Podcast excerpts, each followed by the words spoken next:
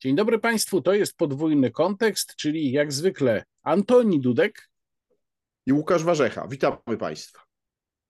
Zaczniemy mm, trochę wyjątkowo, chociaż już nam się to zdarzało, nie od mówienia o tym, co się wydarzyło, tylko od rzeczy znacznie trudniejszej, za którą potem zresztą na ogół komentatorów spotykają cięgi, czyli od przewidywania. Tylko, że plus jest taki, że tym razem przewidujemy na bardzo niedługi dystans, bo Nasz program nagrywamy w poniedziałek wieczorem, on się ukaże we wtorek wieczorem, a w środę do Polski przyjeżdża Wołodymyr Zełeński, prezydent Ukrainy. I właśnie zaczniemy od y, porozmawiania o tym, czego możemy się spodziewać po tej wizycie, ale możemy też powiedzieć o tym, czego byśmy chcieli, żeby, co byśmy chcieli, żeby ta wizyta przyniosła. Oczywiście te dwie rzeczy się kompletnie nie muszą ze sobą zgadzać. Więc może podzielmy to rzeczywiście na takie dwie sekcje. Czego byśmy chcieli, co uważamy, że powinno się wydarzyć również z polskiego interesu, z punktu widzenia polskiego interesu, a co uważamy, że naprawdę się wydarzy. Zaczynaj, Antoni. A, dobrze, zaryzykuję. Więc oczywiście ja bym bardzo chciał, żeby Wołodymyr Zełęński y, dokonał rzeczywiście jakiegoś naprawdę znaczącego kroku w kwestiach historycznych, ponieważ w tym roku będzie okrągła rocznica ludobójstwa na Wołyniu. To byłby dobry moment, wprawdzie to jest lipiec, a przyjeżdża w kwietniu, ale nic nie stałoby na przeszkodzie, żeby w końcu strona ukraińska w tej sprawie jakieś stanowcze deklaracje złożyła. E, to w wymiarze historycznym, ale nie kryję, choć ja jestem historykiem i historia jest dla mnie ważny, ważna, to dla mnie jako obywatela i komentatora politycznego ważniejsza jest ta, teraźniejszość i przyszłość. I oczywiście chciałbym, żeby Zełęński też powiedział, jak sobie wyobraża ten strategiczny sojusz polsko-ukraiński w przyszłości, w sytuacji, w której no, my jesteśmy w NATO i w Unii Europejskiej, Ukraina e, ani w jednym, ani w drugim z tych sojuszy nie jest i, i moim zdaniem szybko nie będzie, co nie zmienia faktu, że e, ja uważam, że y, możemy rozwijać współpracę, tylko że to musi y, zacząć nabierać innego też wymiaru niż tylko ten, który dotąd, czyli ściśle pomocowo-militarny. Oczywiście on jest ważny i wojna się trwa i właściwie można powiedzieć, że rozstrzygające momenty tej wojny y, przed nami. Natomiast no, byłoby bardzo źle i tego się boję, gdyby się okazało, że Zełęński przyjedzie do Warszawy tylko po to, żebyśmy mu po raz kolejny pogratulowali odwagi i żebyśmy mu go po raz kolejny poinformowali, co też Polska da Ukrainie, bo jak wiesz, tu się spieraliśmy o to nieraz, ja jestem zwolennikiem wspierania Ukrainy, bo uważam, że to leży w polskim interesie geopolitycznym, natomiast uważam też, że no, po tym czasie, który upłynął ponad roku tego wspierania, czas też na usłyszenie od strony ukraińskiej, co ona może nam zaoferować w zamian, e, dlatego że e, no, oczywiste jest, że ich możliwości są ograniczone na poziomie e, współpracy takiej stricte gospodarczej, to jest kraj no, w dramatycznej sytuacji, wiadomo, związanej z wojną i finansowej, i ekonomicznej. Natomiast można mówić o przyszłości, znaczy można mówić o e, pewnych planach na przyszłość. E, e, to oczywiście się nie musi zrealizować, natomiast no, liczę na to, że jednak tu będzie coś więcej niż tylko okrągłe sformułowania. A czy tak będzie, no to czas pokaże. No tutaj różnice pomiędzy nami wcale nie są duże. Zresztą ja bym chciał podkreślić, że ja też przecież jestem, byłem zwolennikiem pomagania Ukrainie. Najwyżej różniliśmy się co do tego, na jakim poziomie to się powinno odbywać, żeby to było jasne. Ja myślę, że można by kilka konkretnych kwestii wymienić. O jednej ty już powiedziałeś, bardziej może ogólnie wspomniałeś o y, okrągłej rocznicy y, apogeum rzezi wołyńskiej, to połowa lipca. Y, I tutaj myślę, że powinna w końcu pojawić się zapowiedź zezwolenia na ekshumację ofiar, no bo to jest ten krok, którego oczekują również rodziny tych ofiar, a także wielu innych Polaków. I to jest jedyna tak naprawdę jedna z dwóch konkretnych rzeczy, które Wołodymyr Zełęński może w tej sprawie zrobić, bo druga to jest jakaś forma przyznania się do winy, nie wiem czy przeproszenia, bo też ja jestem realistą, to znaczy rozumiem jak ta, jakie ta sprawa ma polityczne znaczenie na Ukrainie, więc być może takich wprost przeprosin to po prostu realistycznie rzecz biorąc oczekiwać nie możemy, ale no jakaś forma takiego pokajania się powinna się jednak pojawić. I też jeżeli chodzi o ekshumację, no to wiadomo, że w tej chwili Ukraina jest ogarnięta wojną, więc pewnie to by się nie działo w tym momencie, ale taka obietnica czy decyzja powinna dotyczyć czasu zaraz po zakończeniu wojny i być wiążąca. To jest jedna sprawa. Mm, druga sprawa, mm, ja bym tu jednak przypomniał o sytuacji z przewodowa. Bardzo wiele osób y, wciąż to pamięta, y, że to była ukraińska rakieta. Nie usłyszeliśmy od Ukraińców ani słowa na ten temat. Myślę, że tutaj też dobrze by było, żeby jeżeli te stosunki mają być dobre, pan prezydent Zełański no po prostu przeprosił za tę sytuację. Ona, mm, nawet jeśli nie była, no tak zakładam, że nie była zamierzona, no to i tak za niezamierzone szkody tego typu wypada y, wyrazić skruchę w związku z nimi. Y, no i wreszcie to też, co powiedziałeś, mm, czyli jakiś konkret dotyczący fazy powojennej. Na razie jedyne, co my wiemy na temat roli Polski, to są dwie rzeczy. Jedna to jest ta specustawa, która zresztą była dosyć dużym zawodem. To jest akurat y, wystąpienie czy decyzja pana prezydenta Zełeńskiego też z lipca, czyli z rocznicy, z okresu rocznicy rzezi wołyńskiej z zeszłego roku, tylko że on wtedy nic o samej rzezi nie powiedział. Natomiast weszła ta mm, specustawa dotycząca statusu Polaków, która być może w fazie odbudowy Ukrainy będzie miała jakieś znaczenie, bo na razie nie ma żadnego, powiedzmy sobie szczerze. No i druga rzecz y, to, jest, to są wyniki tej konferencji w Monachium już przed wielu miesięcy, y, w ramach której tak no, wstępnie dzielono te miejsca, które, za odbudowę których mają odpowiadać poszczególne kraje i Polska tutaj wypadła, no powiedziałbym tak mm, trochę dziwnie, bo akurat przypadł nam Donieck, który jest dosyć prawdopodobny, że w całości w ogóle nie będzie wyzwolony. To jest bardzo możliwe. Mm, więc y, jakieś decyzje, zapowiedzi dotyczące konkretnych preferencji dla Polski też powinny się pojawić. I to jest to, czego ja bym sobie życzył. Natomiast to, czego się realnie można spodziewać, obawiam się, że znacznie mniej. Ty tutaj byłeś dosyć, dosyć ostrożny w wyrażaniu tych, tych y, oczekiwań co do rzeczywistego przebiegu tej wizyty. Natomiast ja się obawiam, obserwując, jak do tej pory wyglądają relacje polsko-ukraińskie, że nic takiego nie będzie. To znaczy, że skończy się na y, bardzo okrągłych słowach pana prezydenta Zełeńskiego, y, takich ogólnych podziękowaniach dla Polaków. E, I być może drugim istotnym punktem będzie, i to jest duża zagadka, będzie podpisanie jakiegoś wspólnego dokumentu. O tym pogłoski się pojawiają, że coś takiego ma być, jakiś rodzaj traktatu o specjalnych relacjach, coś takiego. Pytanie, co by się w nim znalazło? Mm, no, czy na przykład ta kwestia jakichś preferencji dla polskich firm byłaby w tym traktacie uregulowana, albo czy ona by z niego wynikała z jego zapisów, e, ale ja bym tutaj całkiem poważnie zastanawiał się, czy PiS trochę e, nie kręci bicza na własne plecy w ten sposób. Bo mówiliśmy kilkakrotnie już w naszym programie o tym, że nastroje wokół e, polskiego kursu w wojnie na Ukrainie trochę się zmieniają na sceptyczniejsze. Mamy awanturę o ukraińskie zboże, o której za chwilę będziemy szerzej mówić, i jeżeli teraz jedynym rezultatem tej wizyty będzie miał być podpisanie jakiegoś traktatu, którego głównym skutkiem, wydźwiękiem będzie to, że Polska się jeszcze bardziej angażuje, jeszcze bardziej oddaje, co ma, jeszcze bardziej y, wspiera, no to wydaje mi się, że tutaj już może się okazać, że PiS się po prostu sondażowo na tym przejedzie. Hmm.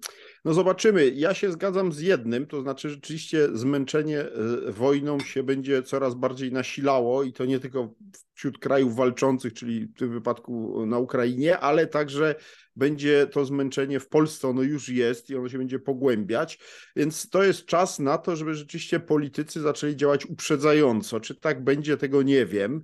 Y, trudno mi powiedzieć, na razie nie widać niczego po, po, po, po rządzących Polską, ani po prezydencie, ani po, po rządzie, żeby rozumieli, że czas płynie nieubłaganie i potrzebne są nowe e, e, impulsy i nowe, no, nowe ustalenia, które by właśnie troszkę rozbroiły to.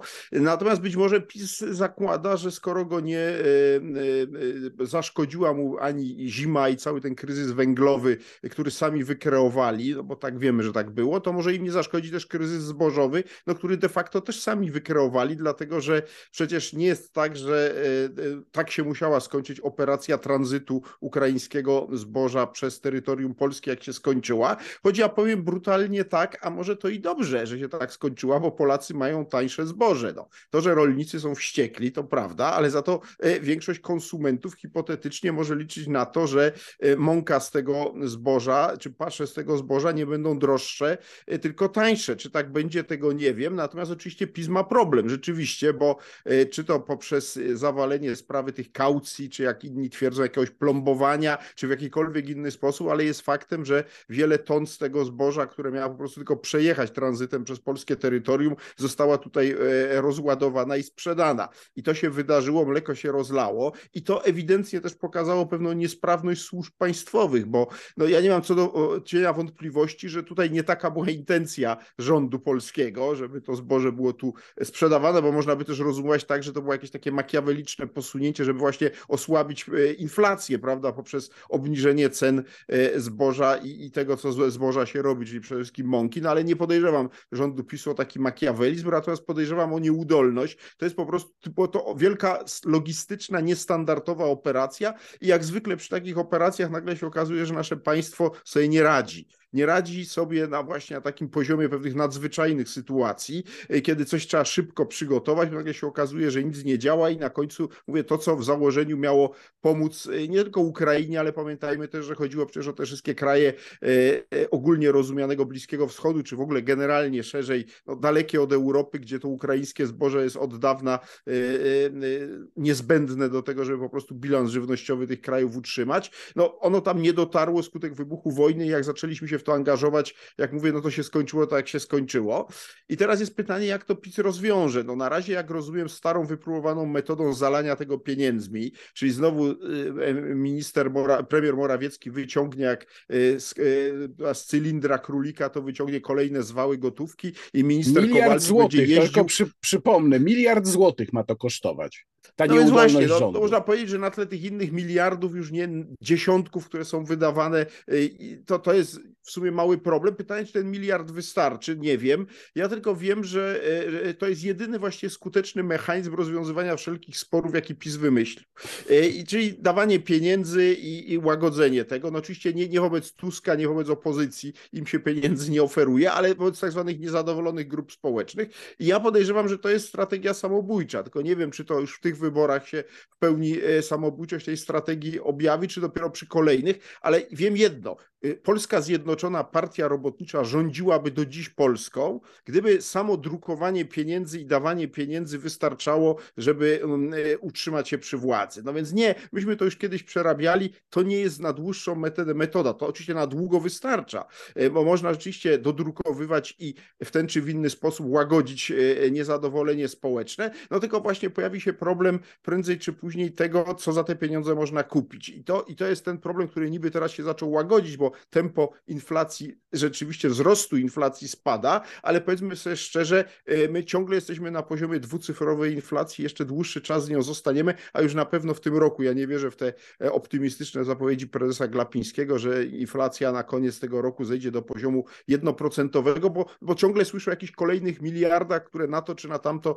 zostaną wydane, no i oczywiście e, one trafią do ludzi, ci ludzie pobiegną do sklepów i wiemy jak ten mechanizm działa, bo to nie pierwszy raz to obserwujemy. W związku z tym, w związku z tym ja tu jestem raczej pesymistą, ale też nie sądzę, żeby akurat z tego powodu, e, czyli mówię o sprawie zbożowej, to był ten czynnik rozstrzygający i że PiS, jak później po latach historycy będą mówili, dlaczego PiS przegrał wybory i stracił władzę w 2023 roku, to że akurat z powodu kryzysu zbożowego. Nie. Moim zdaniem PiS jest ciągle na dobrej drodze, żeby się przy władzy utrzymać, aczkolwiek będzie sobie musiał poszukać koalicjanta i tu wracamy do tematu, który już nieraz e, żeśmy analizowali, a mianowicie E, e, e, z kim PiS mógłby zrobić koalicję, ale myślę, że to jeszcze przed nami i będziemy to analizować. Ja ciągle nie wierzę ani w samodzielne zwycięstwo PiSu, ani tym bardziej, czy może, może nie tym bardziej, ale na równym poziomie coraz mniej wierzę w zwycięstwo opozycji na lewo od PiSu, ponieważ ona się znajduje, mam wrażenie, z każdym tygodniem w coraz gorszym stanie. Powinna się wizerunkowo znajdować w coraz lepszym stanie. Ja odnoszę wrażenie, że tam poziom rozkładu i braku wiary w to, że można rzeczywiście PiS odsunąć do władzy, władzy się raczej z tygodnia na tydzień potęguje, a powinno być odwrotnie. Więc ja muszę powiedzieć, że jestem zdumiony, jak słucham różnych wypowiedzi, różnych luminarzy opozycji wspierających ją, no, który, których czuć rezygnację to... w głosie i rozczarowanie. Wspierający opozycję, a tak naprawdę ją pogrążający, to jest w ogóle temat na osobną rozmowę. Natomiast jeżeli chodzi o mm, wieś i, i rolników i zboże, to ja trochę bym, trochę bym się z tobą nie zgodził. To znaczy, ja widzę ten kryzys ostrzej jako ciąg, dalszy ciąg pewnej tendencji, która zaczęła się w 2019 roku wraz z prezentacją piątki dla zwierząt. To było pierwsze, to był pierwszy strzał w stopę, który na wsi y, wymierzył sobie, wymierzyło sobie samo Prawo i Sprawiedliwość. Do dzisiaj nie jestem w stanie zrozumieć, jaka była motywacja zaprojektowania piątki dla zwierząt. To było tak absurdalne z punktu widzenia pragmatyki politycznej Prawa i Sprawiedliwości, że nie wiem, chyba, że naprawdę za Ale tym stała jakaś... prezesa Kaczyńskiego do zwierząt z kotami na czele jest tu u, tak, u podłoża. No... Oczywiście to się przełożyło na pewne projekty, które przyszło lobby, nazwijmy je prozwierzęcym do prezesa Kaczyńskiego i prezes Kaczyński który jak wiemy kocha zwierzęta kotami na czele postanowił zrobić coś dla zwierząt. Po czym no, wiesz, jak, ja próbuję... jak się zderzył z ogromnym oporem swojej partii, no to się cofnął, bo on zazwyczaj się cofa, jak następuje zderzenie ze ścianą. No próbuję to jakoś ze ścianą, no i próbuję to jakoś wyjaśniać to jakoś racjonalnie, ale rzeczywiście, no być może to wyjaśnienie, które ty prezentujesz jest jedynym słusznym, bo było jeszcze takie, że może chodziło o to, żeby zjednać sobie młodych o bardziej lewicowych poglądach, ale to był byłby absurd. Jeżeli ktoś w to wpisie uwierzył, to naprawdę musiał być skrajnie naiwny. Ale w każdym razie to był pierwszy krok, i wtedy już PiS miał ogromny problem z poparciem na wsi, które wydawało się, że jest gwarantowane przecież, bo ten proces odbierania wsi od PSL-u przez PiS trwał zaczął się jeszcze przed 2015 rokiem i potem trwał dosyć systematycznie. No i teraz następuje dalszy ciąg. Ja bym widział tę historię ze zbożem jako pewną kontynuację tamtego problemu wynikającego z piątki dla zwierząt. Mm, ale kontynuację w znacznie trudniejszych warunkach, dlatego że nie tylko to jest y, podważenie pozycji Prawa i Sprawiedliwości na wsi, ale to jest również podważenie sztandarowej polityki wspierania Ukrainy za wszelką cenę. Czyli dwie rzeczy się sypią jednocześnie i to, to podważanie następuje ze strony elektoratu, na którym naprawdę PiSowi zależy. I tutaj bym trochę to rozebrał na drobniejsze czynniki. To znaczy, gdyby to było tak, że inicjatorem tych protestów rolniczych jest ktoś typu Michał Kołodziejczak, albo gdyby to był po prostu Michał Kołodziejczak, to byłoby dosyć łatwo go zdyskredytować. Można powiedzieć, a jakiś tam kołodziejczak, nie wiadomo skąd on się wziął, dziwny jakiś przymierze z Magdaleną Sroką i porozumieniem, w ogóle jakiś, jakaś egzotyka kompletna. Facet jest pompowany przez nie wiadomo kogo, może za tym stoją jakieś ruskie onuce, y, no więc tu wiadomo. Tylko, że nie można tego zrobić, bo Michał Kołodziejczak to się raczej podczepia do protestu, który jest spontanicznym protestem rzeczywiście środowisk rolniczych. Tam jest ta grupa między innymi nazywająca się Oszukana Wieś. To jest jakaś grupa rolników, którzy się po prostu gdzieś tam regionalnie zebrali, zaczęli się organizować i robią protesty w takiej skali, której panu Kołodziejczakowi nigdy się nie udało zrobić, bo on tak naprawdę, jak robił rolnicze protesty w Warszawie, to sprowadzał autobusami tam, nie wiem, no 100 czy 80 osób, które się pokazywały przed kamerami i tyle. A tutaj to jest trochę sprawa zaczynająca przypominać mm, poziom protestów w Holandii w, chyba to było w ubiegłym roku, tak, w ubiegłym roku. Więc już taka naprawdę poważna i autentycznie spontaniczna, biorąca się od dołu. No i teraz y, jest problem, bo ma przyjechać prezydent Zełejski. Niektórzy z tych rolników już zaczynają zapowiadać, że być może zepsują tę wizytę. Takie sytuacje jak obrzucanie pana premiera Kowalczyka jajkami, to czegoś takiego ja dawno nie widziałem. I y, idzie za tym zresztą szersza podstawa niż tylko samo zboże, bo tam jest jeszcze w tle kwestia nawozów również. E, historia polega na tym, że e, rolnicy, którzy byli zmuszeni, bo oni przecież muszą kupować nawozy w określonym momencie e, sezonu. To nie może być tak, że sobie je kupią w dowolnym momencie.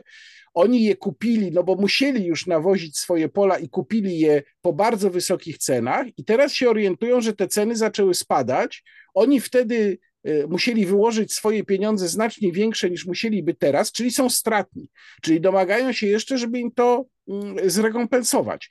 Więc tam jest kilka poważnych powodów do niezadowolenia. I teraz jak tak sobie myślę, a jaką odpowiedź na to właściwie ma PiS? Poza tym, że premier Kowalczyk się układał, to jest zresztą dla mnie też zagadkowe, że on się układał rzeczywiście z Kołodziejczakiem jako przedstawicielem rolników.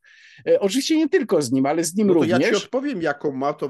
Była minister Zalewska, dzisiaj e, e, europosłanka PiSu powiedziała wypowiedź, która do łez mnie rozbawiła parę dni temu, że prezes Obajtek już kupuje od rolników słomę, to kupi zboże od nich po, jak rozumiem, wysokiej cenie i będzie z tego, z tego, e, z tego zboża, jak rozumiem, kupi też parę gorzelni przy okazji, będzie, mówiąc krótko, produkował alkohol, ten alkohol będzie dolewał do benzyny i wracają ekopaliwa. I mniej więcej PiS już ma taki plan, no jak mówię, przynajmniej tak e, e, pani minister, eks-minister Zalewska zdradziła taki plan Obajtka w tej sprawie.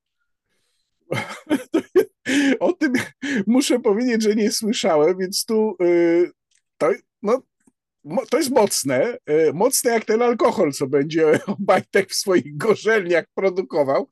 No, przypomniałem sobie inną sytuację, to znaczy przypomniałem sobie ten y, taki kongres propozycji, to się jakoś tam nawet nazywało Piątka dla wsi chyba.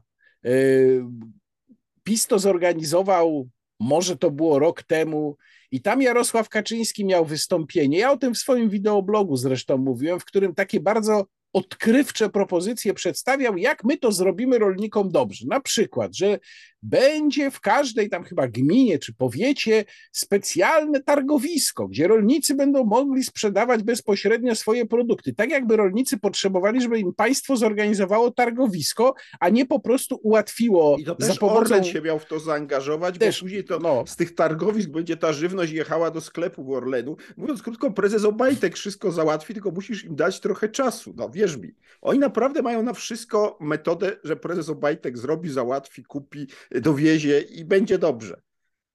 No w każdym razie y, ja uważam, że, ten, że ta sytuacja y, na wsi może być rzeczywiście bardzo poważnym problemem, bo PiS po prostu zależy od tego elektoratu wiejskiego w dużej mierze. Czy to będzie problem na miarę przegranych no, ale wyborów, widzisz, to, ja ci to nie, nie to wiem. Ja tutaj to ja będę polemizował. W tym sensie zgadzam się. Rolnicy byli bardzo istotną grupą wierną wyborców PiSu, ale ona nie była liczna, dlatego że rzeczywiście jest prawdą, że około 40% obywateli Polski mieszka na wsi, ale większość miażdżąca z nich nie zajmuje się już od dawna rolnictwem. I te wszystkie problemy ze zbożem czy z nawozami dotyczą bezpośrednio rolników a ich wbrew pozorom nie jest aż tak dużo. I co więcej, bo gdyby tak było, gdyby się rzeczywiście e, nie sami rolnicy, ale mieszkańcy wsi zaczęli odwracać jakąś większą skalę odpisu, to myśmy to widzieli w sondażach w postaci takiej, że zaczęłoby bardzo znacząco róść, skoro PiSowi ubywa komuś innemu. No i teraz komu urosło? Urosło nieco Konfederacji, ale powiedzmy sobie jasno, to nie jest wzrost tak znaczący, żeby y, to było coś radykalnie więcej niż miewała już w przeszłości Konfederacja. Ale Konfederacja ale... chce rolników przejąć, bo już zapowiada, chce, że zaproponuje prawda. im swój program. Tak, ale poczekaj, ale teraz zwróć uwagę, ja mam wrażenie, że ja jak widziałem, y, y, PiSowi nie ubywało specjalnie, ja mam wrażenie, że paradoksalnie, ale Konfederacja głównie podebrała ruchowi Hołowni trochę wyborców, bo jeśli komuś przybywa, a, ko, a komuś innemu ubywa, no to założenie jest takie, że ci ludzie przechodzą od tego y, pierwszego do tego drugiego, czyli inaczej mówiąc, ponieważ ruch Hołowni zaczął słabnąć, a Konfederacja zaczęła zyskiwać, to tu jest prawdopodobny ruch. PiS ciągle stoi na swoich trzydziestu kilku procentach i nie widać tutaj tego spadku. Być może on nastąpi w najbliższych tygodniach, ale na razie ten kryzys nie przełożył się. Moim zdaniem dlaczego? Dlatego, że tych rolników, oni nie są wyborczo liczebną grupą. To, co, to grupą liczącą ja, się są na przykład emeryci, prawda? I ja tu, tu powiem, widzisz... Mamy akcję tak, ja... bardzo proemerycką, już czternastka będzie na stałe, już się zaczyna mówić też o waloryzacji 500 plus na 700 plus, więc e, to, to, są, to są ruchy obliczone na pozyskiwanie milionów. Okej, okay. to się, tu się zgodzę, nawet powiem coś, co rzeczywiście tę moją tezę może częściowo podważać, chociaż nie do końca, to znaczy nie tylko to jest kwestia tego, że rolników, którzy faktycznie są rolnikami, nie jest tak dużo. To jest też kwestia tego, jacy to są rolnicy, bo PiS faktycznie nastawia się od dawna i to jest też kwestia jakiejś takiej, moim zdaniem, osobistej, mentalnościowej skazy Jarosława Kaczyńskiego na obronę wsi, która coraz bardziej odchodzi w przeszłość, czyli mały rolnik, trzy krówki, e, tam małe jakieś pole, nie wiem, pięć hektarów, no i tam sobie robi to, to małe gospodarstwo. I takich rolników to my będziemy popierać, mówi Jarosław Kaczyński. Tymczasem polska wieś to jest w coraz większej części, to są po prostu przedsiębiorcy rolniczy. To są bardzo nowoczesne, tak naprawdę firmy rolnicze, bo tak to trzeba nazwać. Farmy, można to nazwać farmami farmami, tak, farmy, gdzie nie ma tam, nie wiem, pięciu hektarów, tylko jest co najmniej, nie wiem, 150 hektarów albo 300 hektarów, gdzie jest, są zatrudnieni ludzie w większej liczbie, gdzie są nowoczesne maszyny e, i tak dalej, i tak dalej. I tych rolników rzeczywiście dla nich PiS propozycji nie ma, natomiast y, jednak moim zdaniem w jakiejś mierze wieś wciąż z tego żyje. To znaczy, to jest taka sytuacja, jak na przykład z uderzeniem w jakąś mm, gałąź gospodarki, przemysłu nie uderzasz tylko bezpośrednio w ludzi, którzy tam pracują, ale to są też rodziny, to są też krewni, to są też ludzie, którzy tak. nie bezpośrednio przy tym pracują. I z wsią oczywiście w części masz rację, również dlatego, że na wieś się poprzeprowadzało dużo mieszkańców miast i po prostu stamtąd dojeżdżają. Ale jednak część to są ludzie, którzy mimo, że nie są sami tymi rolnikami czy farmerami, to w jakiś sposób są uzależnieni albo opinie rolników mają wpływ na ich wybory polityczne.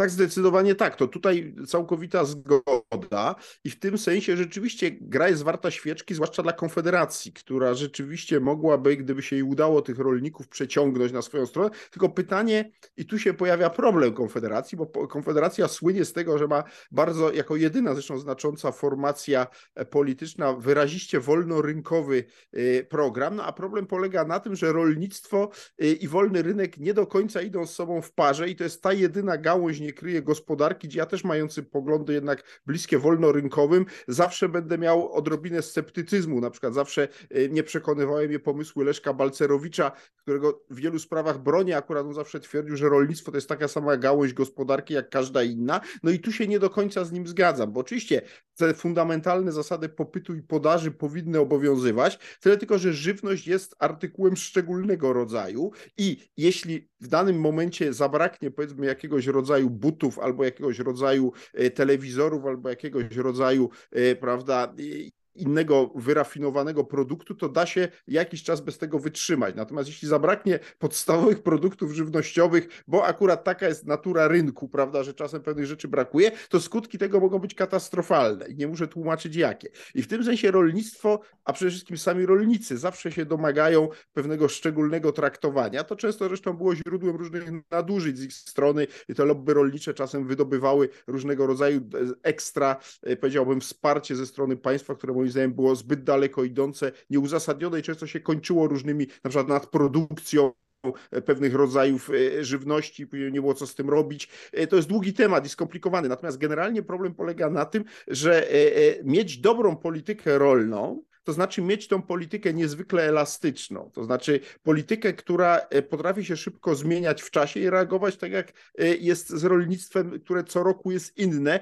bo co roku są inne zbiory, e, raz jest lepsza koniunktura, raz gorsza. I to jest bardzo trudne, bo tutaj trzeba szukać właśnie złotego środka między interwencjonizmem, a wycofaniem się w stosownym momencie, bo ten interwencjonizm czasem może być niezbędny, żeby uratować właśnie pewną równowagę na wsi, a czasem może prowadzić do różnych patologii. No i problem polega na tym, że PiS oczywiście e, moim zdaniem przyzwyczaił tych rolników generalnie do coraz większego interwencjonizmu, że oni będą coraz więcej dawać, po czym e, niby to wszystko pięknie szło i wieś latami była zapisem, po czym nagle się pojawiła sytuacja nadzwyczajna jak z tym ukraińskim zbożem i tutaj PiS nie był w stanie problemu rozwiązać, bo jak mówię, y, nie był w stanie zorganizować tak tego tranzytu, żeby to się nie skończyło y, no właśnie tym, co, czym się skończyło, czyli, czyli y, no, zalaniem polskiego rynku tanim ukraińskim zbożem.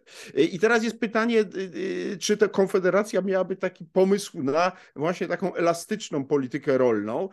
To jest bardzo trudne trudne. Na razie ja tego nie widzę, bo, bo, bo to nie wystarczy tu parę takich, powiedziałbym, sloganów. Tu się naprawdę na tym trzeba znać, bo też ta, kiedy ja mówię o ogólnej elastyczności polityki rolnej, to też myślę o jej zróżnicowaniu, bo ogólnie się mówi polityka rolna, ale to się rozkłada na konkretne, prawda, e, e, rodzaje aktywności rolniczej. Mamy generalnie hodowlę, mamy uprawy i, i to nie może być tak, że, że popieramy generalnie wszystkich rolników, tak? Tylko musimy mieć pomysł na e, te konkretne specjalności działalności rolnicze, na przykład hodowla, prawda? E, e, wspieranie konkretnych e, rodzajów hodowli, prawda? Bo jest drób, jest, jest rogacizna, jest bydło, jest, jest wieprz, są świnie i tak dalej, i tak dalej. I to możemy tak chodzić coraz głębiej. To są wszystko bardzo skomplikowane kwestie, które nie jest łatwo zebrać ogólnie, damy dobrze rolnikom, konfederacja, rolnikom, ale którym rolnikom, w jakim zakresie i, i, tak, i teraz trzeba jeszcze powiedzieć jedno, że interesy tych rolników nie są wspólne, bo trzeba powiedzieć jasno, że e, jak się zanadto wesprze jeden, e, jeden rodzaj jakby działalności rolniczej, to się szkodzi innej. To nie jest tak, że tutaj nie ma naczyń połączonych. Tu są naczynia połączone. Jak się przesadzi z wsparciem jednego rodzaju produkcji rolnej, to się wykończy prawdopodobnie inne e, działy produkcji rolnej. Także to jest strasznie skomplikowana sprawa. Konfederacja może o tyle jest w tej sprawie wiarygodna, że w przeciwieństwie do kierownictwa PiS, y, z którego on właśnie nie z kierownictwa, ale z rządu został wyrzucony Jan Krzysztof Ardanowski, y, który, który jest rolnikiem, znaczy w tym sensie jest wiarygodny. Zastąpił go Henryk Kowalczyk, który żadnym rolnikiem nie jest. Ta Konfederacja ma w swoim kierownictwie, dokładnie w ruchu narodowym, y, Annę Bryłkę, która jest z rodziny rolniczej. Ona zresztą, jak się prześledzi jej media społecznościowe, to e, często tam fotografuje się gdzieś na polu, właśnie w tym. Jej rodzice, zdaje się, mają gospodarstwo i ona często teraz się pokazuje. No więc to jest taka metoda na uwiarygodnienie się. Mamy kogoś z tego środowiska, kto wie dobrze, o co tutaj chodzi. Mm, natomiast y, jeżeli chodzi o Konfederację, bo tu myślę, że warto się jeszcze zatrzymać. Myśmy co prawda dwa tygodnie temu rozmawiali o Konfederacji y, już, no bo widać było już ten, ten trend sondażowy, ale przez te dwa tygodnie nasiliły się ataki na Konfederację. Te ataki są właściwie z dwóch stron, przy czym one są o tyle zabawne, że każda ze stron próbuje Konfederację wepchnąć w ramiona drugiej. To znaczy, yy, politycy opozycji mówią, że Konfederacja na pewno zawrze sojusz z PiSem, a w PiSie się pojawiają głosy, chociaż może bardziej w mediach około pisowskich niż w samym PiSie, że właściwie to jest już pewne, że Konfederacja zawrze przymierze z koalicją koalicją obywatelską. Hmm. Ja mam takie odczucie, że y, to tylko działa na korzyść Konfederacji, ponieważ uwiarygadnia ją jako partię, która jest gdzieś po środku, w gruncie rzeczy jest antysystemowa, obie strony ją atakują. Ale jest tutaj też pewna pułapka. I ta pułapka polega na tym, że w miarę jak Konfederacja będzie poszerzać swoją bazę wyborców, zakładam, że to się do jakiegoś tam momentu będzie jeszcze działo, to będą dołączać ludzie, którzy będą oczekiwali jakiegoś bardziej konkretnego przekazu. Nie tylko tego, że mają wesprzeć partię, która jest antysystemowa, ale też, że mają wesprzeć partię, która coś konkretnego im pokaże. No bo te inne nie potrafią, przerzucają się sloganami, to ja szukam czegoś innego, oni twierdzą, że są czymś innym, no to niech mi coś pokażą. No i tu jest pytanie, na ile Konfederacja będzie w stanie takim oczekiwaniom sprostać, a z drugiej strony, na ile łagodzenie przekazu, które jest konieczne, żeby dotrzeć do tej szerszej grupy wyborców, nie spowoduje zrażenia pierwotnej grupy wyborców, tych twardych wyborców Konfederacji. Tutaj podam konkretny przykład.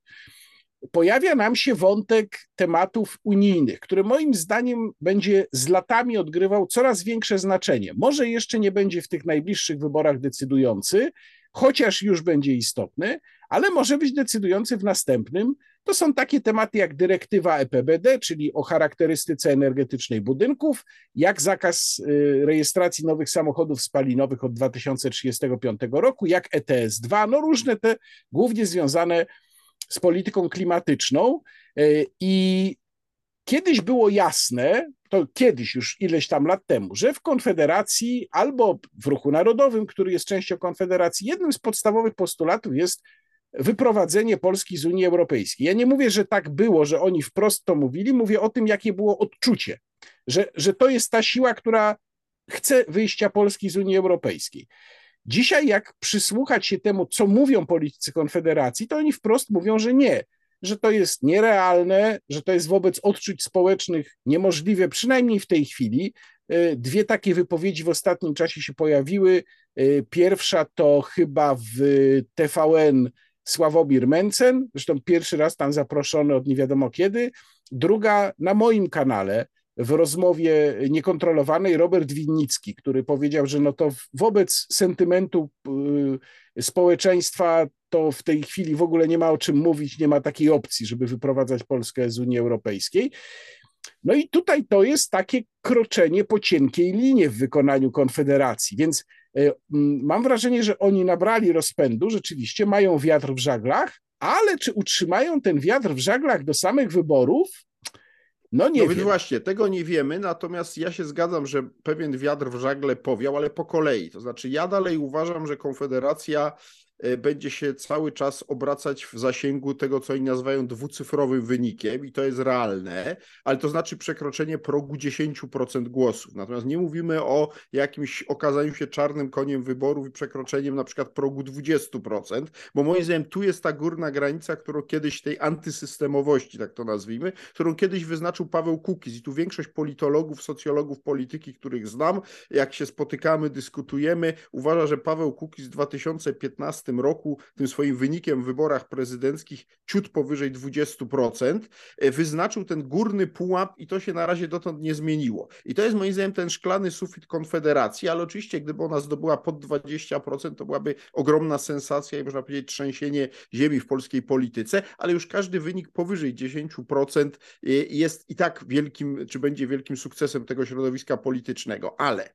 po pierwsze, to środowisko musi utrzymać w tym celu dotychczasową taktykę sprzed paru, która się uformowała na przestrzeni ostatnich powiedzmy kilku miesięcy, która polega na tym, że twarzami tej formacji stali się panowie Bosak i Mencen, które jak sam przed chwilą powiedziałeś, e, głoszą nieco bardziej umiarkowane hasła, a nie wyskoczą w ostatniej fazie kampanii ci, którzy e, obsługiwali tak zwany najtwardszy elektorat, mam tu na myśli pana Janusza Korwina-Mikke i e, czy pana Grzegorza Brauna, którzy zaczną mówić rzeczy, które będą za, zachwycające i fascynujące dla 3% tego najtwardszego elektoratu Konfederacji, ale za to z krzykiem uciekną od Konfederacji ci nowi zwolennicy, którzy, którzy daliby jej szansę na przekroczenie 10%. I nie chcę się rozwijać, ale tu oczywiście chodzi o kwestię stosunku do Rosji, o różne dziwne e, wypowiedzi e, Grzegorza Brauna na temat Izraela, na temat, e, na, na temat nie wiem, kary śmierci Korwina Mikke, czy, czy, czy niepełnosprawnych. No, było ileś takich słynnych wypowiedzi obu panów, nie ma sensu tego przypominać, które ich środowisku politycznemu, jeśli za takie uznamy Konfederację, choć jak wiemy, tam są różne grupy, no ale generalnie nie, nie przysparzały głosów. E, to tyle. Natomiast jeśli chodzi o ataki na Konfederację, to ja jednak widzę tu pewną różnicę. Ja dość uważnie śledzę media rządowe na czele z wiadomościami i chcę powiedzieć, że tam od wielu. Przepraszam, jesteś, to tylko muszę powiedzieć, y, Antoni jest znany z tego, że jest wielkim tak. fanem tego programu i często znaczy, na Facebooku znaczy, w tym jest relacje. Rzeczywiście rodzaj chociaż, masochizmu. Chociaż, chociaż Antoni i tak nie dorównujesz profesorowi Stanisławowi Żerce, który jest już absolutnym fanem wiadomości świadomości. Domyślam się, że nie, oczywiście zdarza mi się nie obejrzeć raz czy drugi i wtedy yy, wiem, że niewiele straciłem, bo oni zazwyczaj powtarzają. Także to oczywiście wymaga pewnej, pewnego masochizmu oglądanie tego, bo tam trzeba wyłapywać, generalnie przekaz się w kółko powtarza ten sam, trzeba wyłapywać nowe, nowe wątki. Poinformuję cię, że w tej chwili na przykład nowym wątkiem jest sprawa procesu, który wytoczył y, Donald Tusk y, y, właśnie TVP, o, to słynne niemieckie przemówienie, czyli proces o Für Deutschland i bardzo jestem ciekawy, jak się ta sprawa będzie procesowo rozwijać, bo, bo nie kryję, że tutaj nie, nie, nie, najkrócej mówiąc nie jestem po stronie Donalda Tuska, bo oczywiście uważam, że to, co robi TVP z tym jego przemówieniem jest absolutnie najbardziej toporną propagandą, z jaką miałem do czynienia w Polsce odkąd pamiętam, nawet PZPR czegoś takiego nie robiła. Natomiast nie zmienia to faktu, że Donald Tusk to przemówienie wygłosił i jak komuś się podoba, może je w nieskończoność powtarzać, bądź jego fragmenty, bo taka jest natura mediów, że nieustannie powtarzają jakieś mniej czy bardziej nieudane wystąpienia polityków, których nie lubią. E, I, i, i tutaj nie bardzo wiem, co miałby ten sąd orzec, żeby, żeby e, e, zaspokoić żądania Tuska. No ale czas pokaże, bo jak wiemy, orzeczenia sądu bywają bardzo różne. Natomiast wracając do głównego wątku, jednak o tej konfederacji niewiele ostatnio w wiadomościach słychać. E, natomiast głównie atakiem na Konfederację zajęła się media wspierające obóz liberalny, czyli przede wszystkim TVN. To tam Konfederacja jako to brunatne zagrożenie e, jest pokazywana. Natomiast właśnie mniej mam wrażenie e, na razie strona pisowska. Z czego się to bierze? No prezes Kaczyński najwyraźniej nie dał rozkazu rzucenia wszystkich sił przeciwko Konfederacji, bo być może bierze poważnie pod uwagę, że trzeba będzie jednak zatkać nos, prawda, zacisnąć zęby i po wyborach pójść do pana Mencena i pana Bosaka i próbować z nimi jakąś koalicję zawrzeć. I uznał, że jakby teraz przeprowadzili taki nalot dywanowy na Konfederację, jak jest no, permanentnie prowadzony przeciwko Tuskowi, Trzaskowskiemu, czy, czy jeszcze paru innym osobom, chociaż ci dwaj są absolutnymi rekordzistami, to cokolwiek by utrudniło później negocjacje koalicyjne po wyborach wyborach.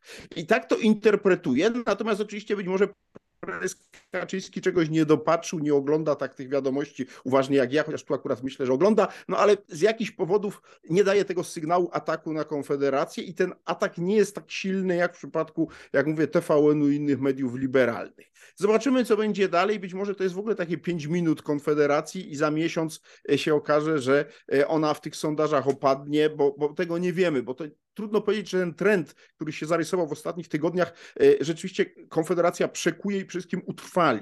Dlatego, że moim zdaniem my teraz wchodzimy w taką fazę kampanii, w której rzeczywiście się będą coraz częściej, można powiedzieć, następowały zwroty, to znaczy będą, będzie coraz większe nasilenie różnego rodzaju uderzeń z różnej strony między różnymi podmiotami i tu w tym kontekście warto powiedzieć o tym, co ja podejrzewam, że będzie, bo zaczęliśmy od tego wątku, tu już zaraz postawię kropkę, o tych pieniądzach europejskich. Otóż e, to, co mówiłeś o tych wszystkich kwestiach odleglejszych, kwestia samochodów spalinowych, kwestia innych rzeczy, to jest kwestia odleglejsza. To, co jest dzisiaj na stole, to jest kwestia pieniędzy i to już nie tylko z Krajowego Planu Odbudowy, bo moim zdaniem ich nie będzie e, w tym roku, tylko to jest kwestia pieniędzy z funduszy strukturalnych, co do których też została uruchomiona ta procedura praworządności na której końcu jest zablokowanie tych środków. I teraz decyzje mają zapaść pod koniec roku, tak to oficjalnie w Komisji Europejskiej e, jest zapowiedziane. I ja się cały czas zastanawiam, co by było, gdyby Komisja Europejska wskutek splotu nieoczekiwanych okoliczności przyspieszyła swoją decyzję i na przykład to, co miało być w grudniu ogłoszone, zostało ogłoszone na przełomie września i października. I wtedy nagle się okaże, że bardzo wiele inwestycji, które już się w tej chwili dokonują, które już gdzieś tam są przysłowiowe fundamenty robione albo, albo jakieś inne działania, ale to już fizycznie się dzieje, a konto tych pieniędzy i nagle się okaże, że tych pieniędzy nie będzie. I to mogło być ze strony Komisji Europejskiej, nie mówię, że ciosem nokautującym dla PiSu, ale bardzo mocnym kopniakiem w kolano, bardzo bolesnym i nie wiem, czy to by PiSowi jednak tego zwycięstwa nie zabrało tuż sprzed nosa. Ja mówię to tylko jako hipotezę, bo, bo, bo nie wiem, czy tak będzie oczywiście, ale moim zdaniem w sensie relacji Polski z Unią Europejską, to, to te pieniądze z funduszy strukturalnych, które mają być wypłacane właśnie z końcem tego roku, to jest absolutnie dzisiaj e, kwestia najbardziej fundamentalna. W przeciwieństwie do tych innych spraw, o których ty mówiłeś, które też są ważne, ale one się będą toczyły przez wiele następnych lat. No tak, tylko że różnica pomiędzy tymi y, rodzajami zagadnień polega na tym, że te sprawy, o których ja mówię, zaczęły przemawiać do wyobraźni ludzi, dlatego że one ich bardzo bezpośrednio dotyczą. Fundusze strukturalne nie dotyczą bezpośrednio ludzi, chyba że mają firmy, które są zaangażowane w jakieś inwestycje.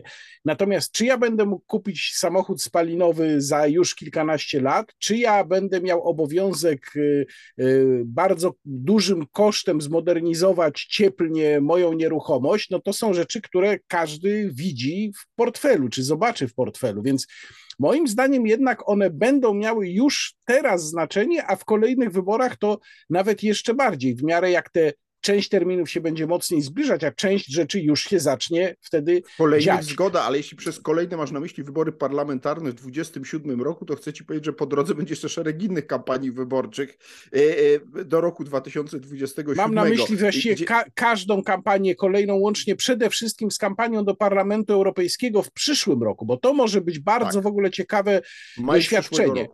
Natomiast y, co do y, pieniędzy z KPO, to tak, one rzeczywiście, znaczy obóz władzy już prawie przestał o nich mówić, bo to niedobra jest. To lepiej to tam zostawmy ten już po co przypominać. Po raz Aczkolwiek kolejny mówiąc, że ale za chwilę będą. Że prezes, ale w ramach tego jednak odnotujmy, że prezes Kaczyński udzielił wywiadu papowi, co jak wiemy nieczęsto się dzieje, tak zwanego wywiadu dyscyplinującego, który był zorientowany na konkretną grupę docelową, a mianowicie sędziów Trybunału Konstytucyjnego, a konkretnie tych sędziów, którzy nie chcą się z prezes Przyłębską dogadać i uznać jej prezesury i, prze, i prezes Kaczyński przesłał im coś, coś bym określił jako przestrogę pasterską, żeby dalej nie szli tą drogą, bo ta droga może się dla nich źle skończyć. I oczywiście opatrzył to, że on się nie śmie wpływać na Trybunał, jego, który jest całkowicie niezależny, niemniej jednak ostrzega i wyraża swoje zaniepokojenie. I to, I to moim zdaniem jest bardzo znamienne. Znaczy, to pokazuje, że ten konflikt wewnątrz Trybunału no, wchodzi w jakąś kolejną wyższą fazę, no i w jakieś przesilenie będzie musiało nastąpić. Jak rozumiem, to przesilenie się dokona w postaci jakiegoś kontraktu między ministrem Ziobrą a y, prezesem Kaczyńskim, w efekcie czego Trybunał jednak się zbierze i wyda orzeczenie po myśli prezesa Kaczyńskiego, bo w tym wywiadzie dla papu prezes Kaczyński też oczywiście zastrzegając, że on absolutnie nie śmie wpływać na wyrok Trybunału, ale uważa za oczywiste, że Trybunał powinien uznać y, y, ustawę o Sądzie Najwyższym za zgodną z konstytucją, co ma otworzyć te y, pieniądze e, europejskie, tą drogę do pieniędzy z KPO. Ale Pozwól, że jeszcze jedną rzecz powiem w kontekście naszego wspaniałego wymiaru sprawiedliwości, bo y, jeszcze się cała ta awantura w Trybunale nie skończyła, a mamy już oto nowy front między osobami, konfliktu między osobami, które też się pojawiły w wymiarze sprawiedliwości pod rządami dobrej, dobrej zmiany, a więc w ramach uzdrawiania wymiaru sprawiedliwości. Mianowicie po pierwsze sz- chcecie poinformować, że mamy kolejny dowód na to, że prezes, pierwsza prezes Sądu Najwyższego, profesor Manowska, nie jest, jak twierdzono w przeszłości ze stron, w mediach liberalnych, jakąś osobą zaufaną Zbigniewa Ziobry, a przynajmniej przestała nią być, nie jest z nim związana, bo go publicznie krytykuje, mianowicie w wywiadzie dla Rzeczpospolitej, którego dzisiaj e, udzieliła, skarży się, że minister sprawiedliwości ignoruje moje pisma, czyli moje, czyli pierwszej prezes e, Sądu Najwyższego, o delegowanie do Sądu Najwyższego sędziów sądów powszechnych. Więc już pan minister Ziobro z panią prezes e, Manowską się nie jest w stanie dogadać, ale mamy za to jeszcze inny konflikt, o którym właśnie i on jest tu najciekawszy, pani prezes Manowskiej, mianowicie e, pani prezes Manowska atakuje w tym wywiadzie nie tylko ministra Ziobrę, ale także nową przewodniczącą Krajowej Rady Sądownictwa, panią Dagmarę Pawełczyk-Wojicką, której z kolei zarzuca dziecinadę, a mianowicie ta dziecinada ma polegać na tym, że pani prezes e, Manowska chciała przenosić sędziów w ramach Sądu Najwyższego z jednej izby do drugiej. E, Tym sędziom się to nie spodobało. Ja nie wnikam, czy, oni, czy miało im się nie podobać, czy mogło, czy mieli do tego prawo, czy nie. Nie odnoszę się do tego w ogóle. Istotne jest, że ci sędziowie pobiegli, jak rozumiem, na skargę, już nie wiem, czy do, wprost do ministra Ziobry, czy, jego, czy bez jego pośrednictwa wprost do pani Dagmary Pawełczyk-Wojickiej, czyli do Krajowej Rady Sądownictwa. I teraz Krajowa Rada Sądownictwa pisze skargę na prezes Manowską do Trybunału Konstytucyjnego, że ona łamie tam przepisy ustawy o Sądzie Najwyższym. Czyli mówiąc krótko, mamy taką radosny trójkąt bermudzki za chwilę z trzema paniami, e, które minister Ziobro i prezes Kaczyński, że tak powiem, wypchnęli do wymiaru sprawiedliwości w celu jego uzdrowienia. Także mówiąc krótko, zapowiada się bardzo radosny okres jeszcze większego skłócenia tego gigantycznego chaosu. I muszę powiedzieć, że no, ja się z tego śmieję, ale tak naprawdę jest to wszystko tragiczne, bo, bo mamy do czynienia po prostu z jakąś niewyobrażalną kompromitacją e, tych wszystkich ludzi, których tam PiS skierował, żeby uzdrowili. To mają być te nowe, dobre elity sędziowskie. To mają być ci ludzie, którzy mieli uzdrowić nasze sądownictwo. Tymczasem zachowują się no, daleko gorzej niż ich poprzednicy, co do których też były liczne zastrzeżenia i uzasadnione. No i to jest właśnie ten podstawowy problem, e, bo tu się moim zdaniem objawia ten podstawowy problem, który ma Prawo i Sprawiedliwość, że nawet jak ma dobrą diagnozę w jakiejś sprawie i niby mówi, że trzeba to naprawić, to po czym kieruje tam do naprawienia tej sprawy kogoś, kto jeszcze sprawę bardziej kompromituje. No i to jest właśnie niestety kazus, mam wrażenie, pani prezes Manowskiej, bo ja już, to nie jest i pierwsza taka akcja, ja przypomnę ci, że ona już potrafiła na przykład napisać do Trybunału Konstytucyjnego wniosek o, e, e prawda, e, rozpatrzenie kwestii związanej z tym, czy podlega tajemnicy służbowej, to kto parkuje na parkingu pod Sądem Najwyższym. Taka sprawa też Słynna trafiła... sprawa, tak. tak no, no ale to, to, to, to też pokazuje no, jakby osobowość tej, tej pani prezes. Nie, żebym był jakimś wielkim fanem jej poprzedniczki, też skądinąd zasłużonej pani profesor, ale mam wrażenie, że coś naprawdę się złego dzieje z tymi ludźmi na tych stanowiskach, że oni nie potrafią przez chwilę się zastanowić nad skutkami swoich publicznych wystąpień. Bo ja bym jeszcze rozumiał, gdyby oni to wszystko załatwiali w ciszy gabinetów albo za pośrednictwem telefonów, co najwyżej podsłuchiwanych, ale oni po prostu urządzają po, po publicznie jakieś groteskowe awantury, no, które w istocie rzeczy moim zdaniem już się nie nadają do poważnej analizy, tylko do takiego właściwie kabaretu w istocie rzeczy i my tu troszkę, mam poczucie, zajmujemy trochę takim półoperetkowym, półkabaretowym komentowaniem tego wszystkiego. No, y, ta osta to ostatnie twoje stwierdzenie y, pozwala mi powiedzieć, że na pewno będziemy mieli co komentować, tematów nam nie zabraknie, y, zwłaszcza, że jeszcze jedna tylko drobna uwaga, wspominałeś o możliwości wstrzymania funduszy strukturalnych dla Polski, już się zaczęły pojawiać przypomnienia płynące też z okolic obozu Zbigniewa Ziobry. Nic absolutnie zaskakującego można się było tego spodziewać, że na mechanizm pieniądze za praworządność zgodził się pan premier Morawiecki tak, i że to tak, tak naprawdę dokładnie. jest jego wina. Tak. No więc y, z tymi mm, wesołymi lub też niewesołymi, w zależności od punktu widzenia, konkluzjami państwa dzisiaj zostawiamy. I życzymy Zachę... naszym wszystkim widzom, słuchaczom zdrowych, spokojnych, rodzinnych świąt Wielkiej Nocy. No i tego śmigusa, dyngusa mokrego, ale bez przesady, bo zimno. Ja też dołączam się do życzeń spokojnych, radosnych, rodzinnych świąt Wielkiej Nocy. No i przypominam o tym, że jeszcze jest kanał Dudek o historii. E, zapraszamy również do jego oglądania, a my się z Państwem zobaczymy za dwa tygodnie, a to był podwójny kontekst, czyli jak zwykle Antoni Dudek i Łukasz Warzecha. Ja reklamując mój kanał powiem tylko, że najbliższy odcinek będzie dotyczył przypadku Stana Tymińskiego, a więc wybory prezydenckie 1990 roku. Za kilka dni premiera kolejnego odcinka. Serdecznie zapraszam. No i dziękuję tym razem Państwu za uwagę i zapraszam do oglądania nas już za dwa tygodnie. Dziękuję bardzo. Do zobaczenia.